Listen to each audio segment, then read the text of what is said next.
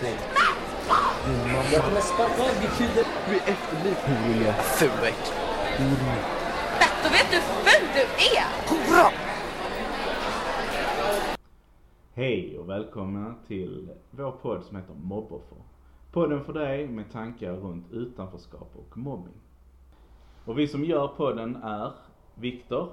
Och Marcus, Och Marcus, vad kvalificerar dig att gö- göra den här podden och vad, vad är du för någon?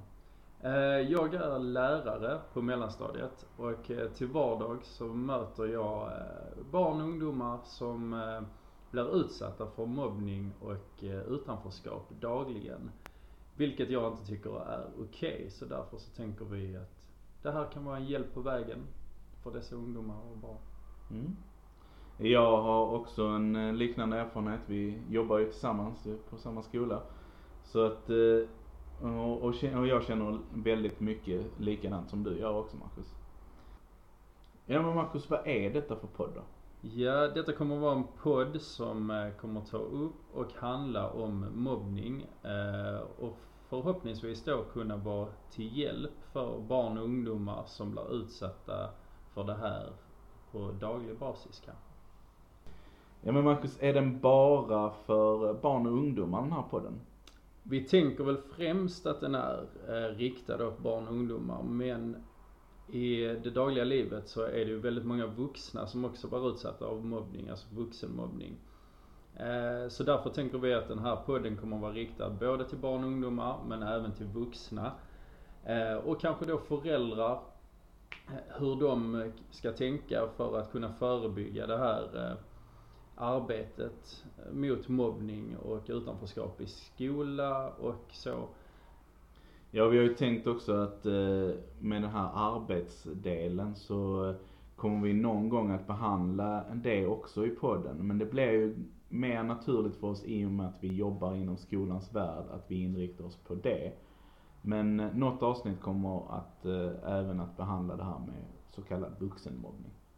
Men vad är det mer som vi kommer att göra? Eh, Vi kommer ta emot erfarenheter från eh, Er lyssnare då ju. er lyssnare som eh, skickar in det på mail och sen så kommer vi att framföra det med fiktiva namn.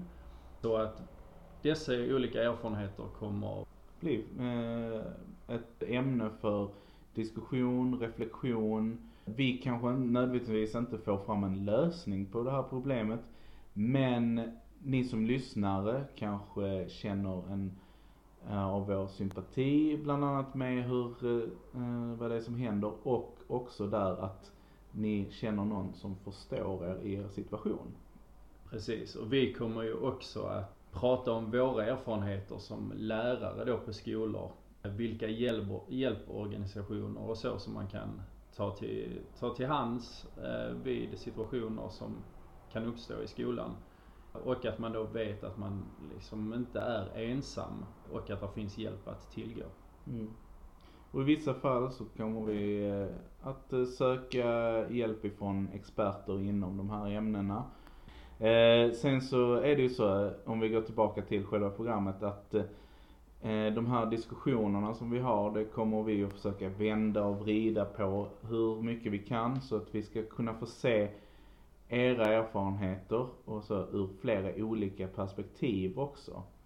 Och vrida på det och se hur Finns det något sätt att utveckla det på? Finns det något annat sätt att se på själva situationen? Precis.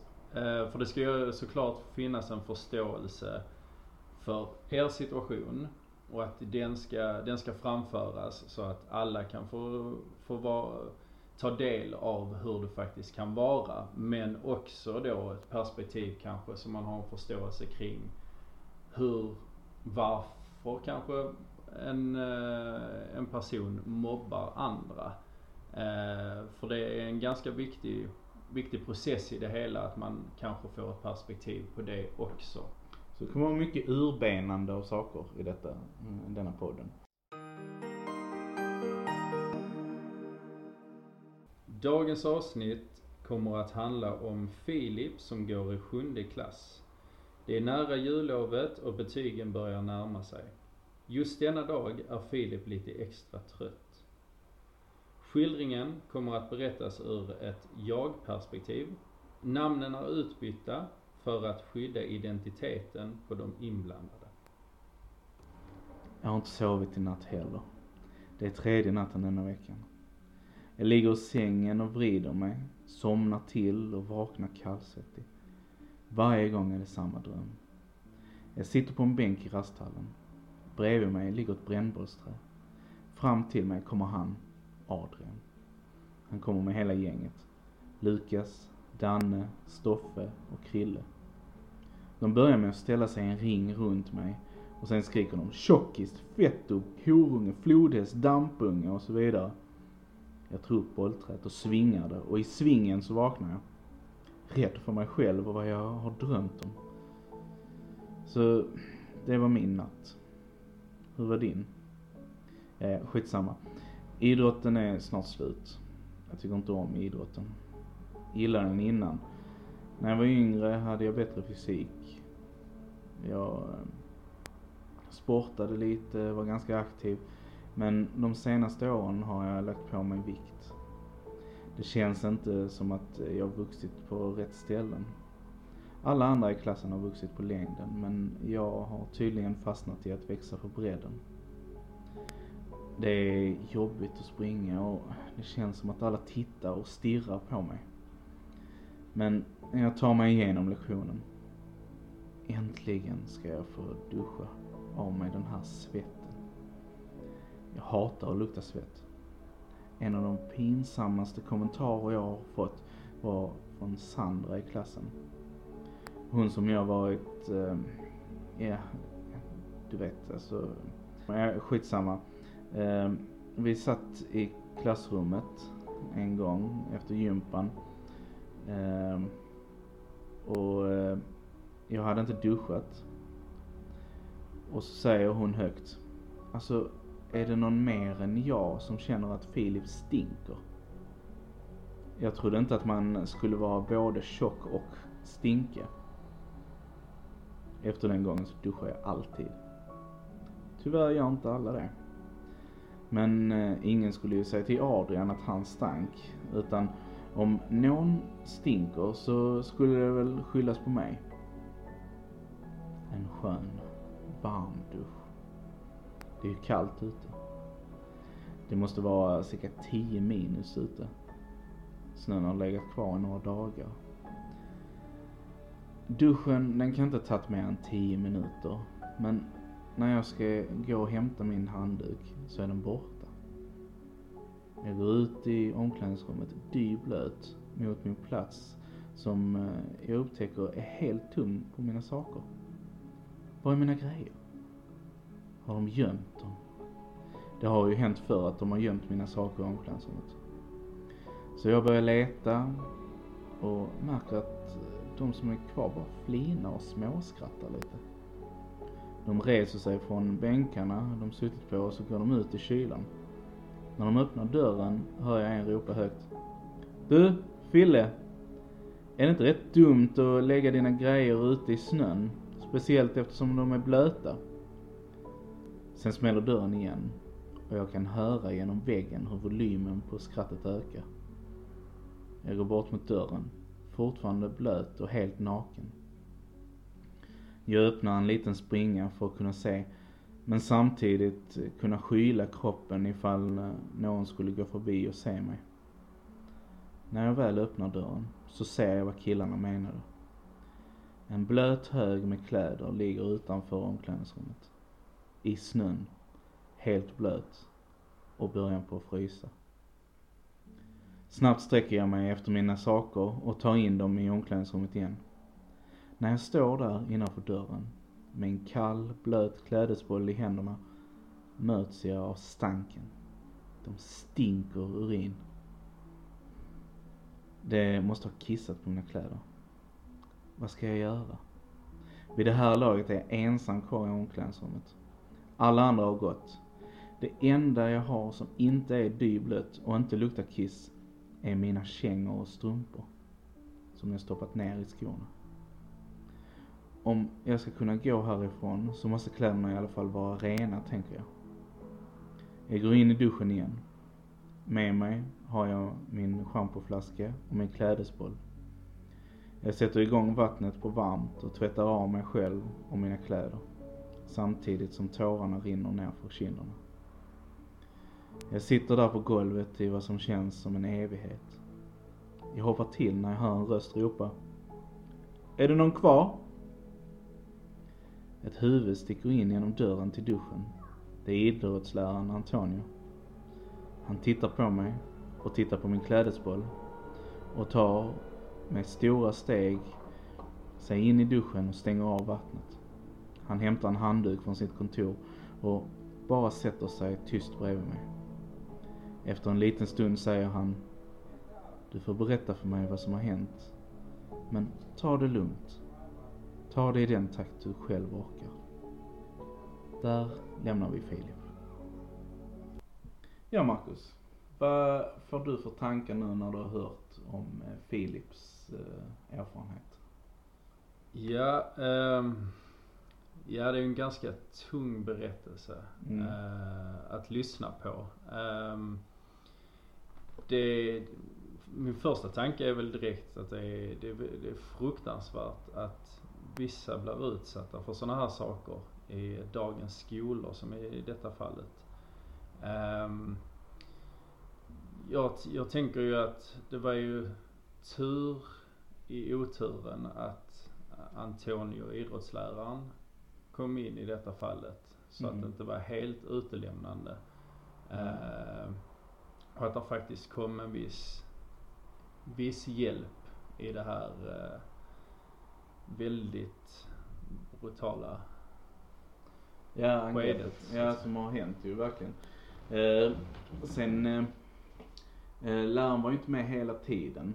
Va, vad kan det bero på? Eh, du som är lärare också. Ja, eh, och den erfarenhet jag har och när man pratar med idrottslärare så, eh, så har de ju ganska mycket att göra mellan lektionerna. Mm. Eh, där de ska ta in de olika redskapen de har använt och plocka ihop bollar och, och så vidare. Och de tar, kanske inte för givet, men de tänker väl, de tänker väl någonstans att ungdomarna, barnen går in i omklädningsrummet, de byter om, de gör sig redo för nästa lektion eller lunch kanske, eller rast. Eh, och de tänker kanske inte på att sådana här saker kan, kan hända.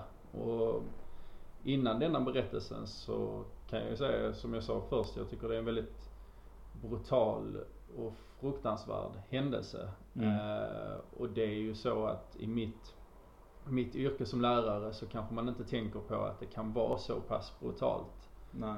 Eh, Det är ju klart att man har ju erfarenheter nu om att saker och ting händer och man är på sin vakt och observerar hela tiden. Men det sker ju fortfarande att en lucka där man tänker, nej men nu ska de bara gå till lunchen till exempel. Så kan det ju hända saker. Så det är Mm. det jag tänker i det här fallet, att de har antagligen plockat undan redskapen och sen så inte tänkt på det. Men det var bra att han ändå kom in för att kolla om alla hade gått därifrån. Ja. Sen hade det kunnat gjorts bättre, absolut. Och jag tror att han tänker på det I efter detta. Ja, absolut. Eh, vad jag tänker på också i det här eh, sammanhanget är ju, det kan, verkar ju på Filip som att det inte är första gången detta händer. Eh, kanske inte just den här händelsen men att eh, någonting liknande kan ha hänt innan. Eh, vi hör ju i berättelsen att eh, hans eh, klasskamrater har gömt hans kläder innan. Mm. Vissa har sagt en tråkiga kommentarer och så till honom och så. Hur eh, tänker du i sån, när du hörde det där? Ja, jag tänker att i sådana lägen så är det alltid viktigt att man eh, kontaktar läraren eller vuxna runt omkring en. Mm. Eh, Men det kan vara jobbigt Det kan vara jobbigt, det är jobbigt att utelämna sig. Eh, Så först ska man ju komma över den, det steget att man man ska våga. Det är inte fel att utelämna sig i det fallet. Även om man är den som är utsatt så ska man gå till en vuxen. Ehm, Och sen kanske det är så att man tänker att ja men vuxna gör ingenting. Eh, och det är en ganska vanlig vanlig grej som jag hör bland mina elever. Mm. För att de, de tänker att saker och ting ska ske direkt. Ja. Eh, och när det inte gör det och där inte sker någon effekt direkt så tappar de lite, de tappar kanske inte tron, men de tappar lite tro för situationen. Att Mm. någonting kommer ske. Och det har jag och mina kollegor brottats med ganska många gånger. Att man vill att saker och ting ska såklart ge effekt direkt. Men att man också pratar kring hur, så de får en förståelse kring att saker och ting görs. Eh, så jag hoppas ju att Filip i det här fallet har tagit kontakt med vuxna efter. Där finns ju olika hjälporganisationer också som Ja. BRIS och Friends. Som är, och kuratorn är ju en jättebra eh, Mm. kontaktperson för att kunna få ut sina tankar Mm. kring det här. För som du säger, det här har ju antagligen pågått en längre period. Ja. Jag tänkte på den här situationen att man, eh, som du sa, att det kan vara jobbigt att prata med någon som någon vuxen och så. Det, jag tänker det kanske kan vara jobbigt att prata med någon som man känner också. Mm. Och då sa du det fanns några andra så, eh, sätt att man kan prata med någon, någon vuxen på. Vad, vad var det? Precis. Ja, då finns ju BRIS, Barnens rätt i samhället. Hur tar man kontakt med dem? Eh, det kan man söka på internet. Mm. Söka på BRIS så kommer där upp, där eh, kommer upp telefonnummer som man kan ringa. Mm. Ehm, det finns ju även Friends Ja. och det är samma, samma procedur. Att du kan söka på dem, du kan få fram kontaktuppgifter och då ta kontakt med dem och sitta i samtal. Där är eh, rådgivare, eller vad man ska kalla det, rådgivare med st- stöttepelare Mm. som kan, eh, kan hjälpa en i sådana här situationer så att man inte ska behöva känna sig ensam. För det är väl den stora känslan egentligen. Att man känner sig ensam, man känner att man inte vågar prata. Eh, och det är ganska skönt Mm. att prata med någon då. Eh, och kanske inte någon som man direkt känner, Mm. eh, som du sa. Eh, och sen så finns det ju kuratorn på skolan. är ju alltid är ju alltid bra. Men då är man kanske det här lite för nära skolan igen. Ja. Att man, det, så. Så de, de där två, BRIS och Friends skulle jag väl rekommendera om man känner de känslorna. Annars är det ju läraren, fritidspedagoger, resurspedagoger, Mm. andra pedagoger runt omkring lärare i andra ämnen kanske. Mm. Men då kuratorn och där, ja, vi kan ju rabbla alla, vaktmästaren. Alltså det, det finns vem som helst. Den Ja. man känner som man ändå kan prata med, där ska man ju ta det kontakt. Ja, för det är ju det som eh, man eh, kan poängtera. Som vi vet ju att alla som jobbar inom skolan har ju faktiskt ett ansvar för alla elever som finns där.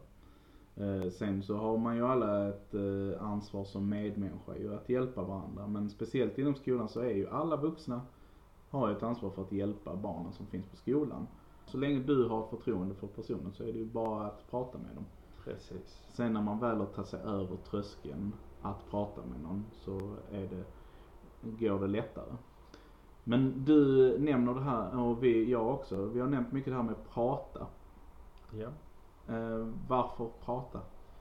Eh, ofta i sådana här situationer eh, när jag möter elever som blir utsatta för antingen mobbning i värsta fall och utanförskap och så.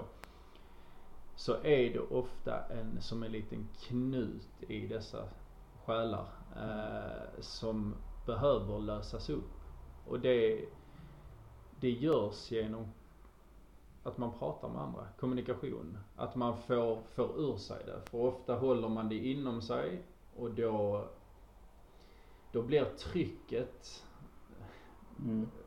ännu, ännu, ännu hårdare så att säga. Ja det blir som en eh, Eh, kanna som kokar på spisen och sen till exakt, slut så bara exakt. tjuter det hårt ut, alltså. Precis. Och för att man inte ska komma till den där det exploderar så att säga eh, i slutet. Och det är ju inte bra för en själv och det är kanske inte bra för andra heller. Mm. Eh, för vi märkte ju här i drömmen att man hade en dröm av att man med brännbollsträt man ville vak- vaknar, precis. Mm.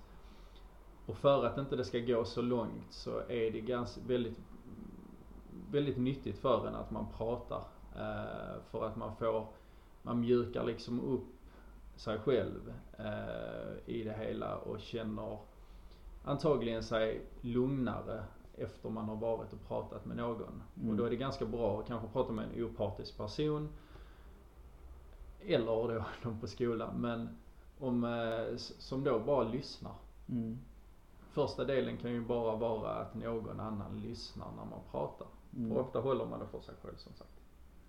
Eh, om man vill höra någon annans eh, syn på eh, ens situation, hur, eh, vad har du för tankar på det? Liksom där? Om du sitter och snackar, om- vi säger att jag, eh, det har hänt mig någonting nu, jag går till kuratorn Ja. och eh, sen kuratorn börjar och komma med, är det någonting som du känner, skulle det kunna hjälpa mig eller är det bara liksom att det är någonting som vi gör eh, vi gör bara för att kuratorn vill visa att de är äldre och kan sina grejer. Nej, jag tycker, jag tycker det är, alltså Kuratorn är ju utbildad Mm. eh, i att ta tag i dessa diskussioner och svåra, svåra situationer och ämnen. Mm. Det kan ju vara, det kan vara mobbning, det kan ju vara, kan ju vara att man, eh, man känner sig annorlunda på ett annat sätt, kanske sexuell läggning, det kan vara liksom vad som helst ju. Mm. Ehm, och att man känner att nå, alltså, de är utbildade på att de ska hjälpa ehm, hjälpa eleverna Mm. och eh, i dessa situationer. Och jag tänker att går man till kuratorn så kommer kuratorn inte släppa kontakten förrän det känns bättre för eleven. Vilket då resulterar i att eleven faktiskt känner sig bättre. Ja. Om de är ärliga mot varandra såklart. Mm. För det är klart att eleven kan ju säga att allting är bra och då lyssnar ju kanske pedag- pedagogen på det. Eller eh, kuratorn. Mm. Nu sa jag fel. Men eh, ja. Det måste ju, kä- känns som att det krävs mycket tillit därifrån varandra. Att man måste bygga upp någonting. Ja men precis, precis. Och det är nog inte det lättaste men det, det kommer ju säkert. Men om vi går tillbaka lite nu, nu har vi pratat väldigt allmänt. Men om vi går tillbaka till själva erfarenheten om Filip då alltså. Ja. Vi, eh, vi har ju varit inne på några grejer där. Han, han sov dåligt, han hade mardrömmar eh, och sen hände det grejer i skolan också. Ehm, och då, då var det ju ett eh, gäng där som radades upp. Då, det var ett gäng eh, killar då, som gick i samma klass som eh, var taskiga mot honom. Eh, alltså vad, vad tänker vi, hur, vad kan detta komma ifrån alltså? Ja, de, de framstår ju lite som de här tuffa killarna. Mm. vad man ska säga, tuffa. Som, då, som då går runt och tror, styr och ställer. Där är väl ett visst kontrollbehov kanske kring, eh, kring deras eh, sätt att vara. Att de, de, de vill gärna ha kontrollen. Mm. För det är de som styr och ställer. Eh, och det kan ju, kan ju vara så att de har en väldig osäkerhet själv Ja. eh, i det hela. Det är ju svårt att säga men, men många gånger att man hackar på någon annan Mm. är ofta en indikation på att man är osäker själv. Eh, sen är det ju absolut ingen ursäkt och det är ju ingenting till det som har hänt. Nej. Men i många fall så är det att det är osäkerhet Mm. kring det. Och det kan ju kännas, kännas bättre med en förståelse kring att ja, men det finns en viss osäkerhet. Och att för den som då blivit utsatt att kanske kunna tänka ja men de, de, de, var, de var osäkra, jag kommer kanske inte riktigt förlåta dem för det de har gjort. Eh, det kan bli svårt men man kanske, man kanske kan processen framåt och bearbetningen kan bli bättre när man tänker att ja men de var osäkra. Jag lägger det åt sidan men okej de var osäkra. Jag har fått ändå ett litet svar på frågan varför de gjorde det. Mm. För det, jag kan tänka mig att den stora frågan är varför? Ja. Varför gör ni detta mot mig? Mm. Eh, Men är det bara osäkerhet som kan eh, vara grunden till detta tror du? Nej, det kan ju finnas andra anledningar också. Eh, det kan vara att det finns ju barn och ungdomar som har NPF. Neuropsykologiska funktionsnedsättningar. Exakt. Som har, som har eh, kanske om man då till exempel har ADHD Ja. så H står för hyper. Då Ja. har man ju mycket tankar och, eh, och det liksom Ja man, man utsätts för mycket tankar hela, hela, hela tiden och det är därför det kanske är svårt att koncentrera sig. Mm. Och då kan det ju vara så att man kanske ger utlopp för sådana här saker. Mm. Ja, om vi försöker då sammanfatta lite av vad vi har gått igenom i detta avsnittet. Så vi har ju den här eh, Filip då som vi har pratat om. Han har eh, problem eh, då i skolan med eh, klasskamrater som är taskiga mot honom. Eh, och eh, då detta fallet här som vi får höra så har de ju gjort en eh, specifik sak mot honom. Bland annat då att de har eh, kastat hans kläder i, eh, kall, alltså i kylan och det börjar frysa och inte nog med det så har de urinerat på dem också. Ehm, men tydligen så är inte detta första gången som jag har hört. Nej precis, det verkar som att det har pågått en, under en längre period vid flertalet tillfällen. Ja, precis. Ehm, och vad man känner utav den här eh, historien är ju att, eh, vad jag får i alla intrycket är att eh, Filip är, känner sig osäker på sig själv. Han eh, verkar som att han har känt sig lite säkrare innan. Men eh, sen så har det hänt mycket. Han eh, är ju i den här utvecklingsåldern där eh, det händer mycket med kroppen. Han eh, berättar ju det. Andra i klassen har vuxit men han eh, har inte vuxit på längden. Det har hänt på andra ställen istället.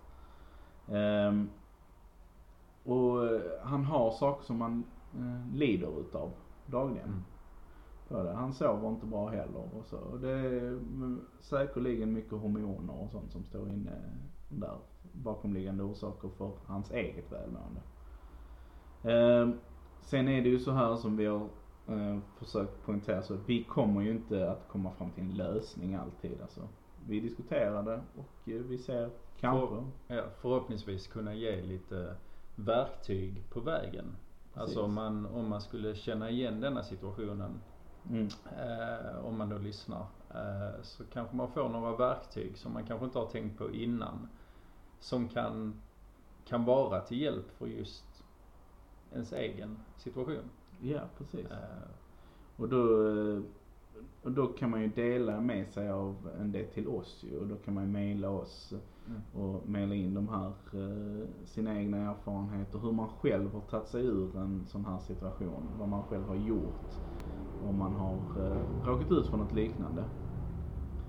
Ehm, och eh, så det är ju där, och vi utgår ju från vårt perspektiv som lärare. Eh, eftersom att det är det som vi arbetar med och det är så vi upplever eh, mobbing i eh, vårt dagliga liv.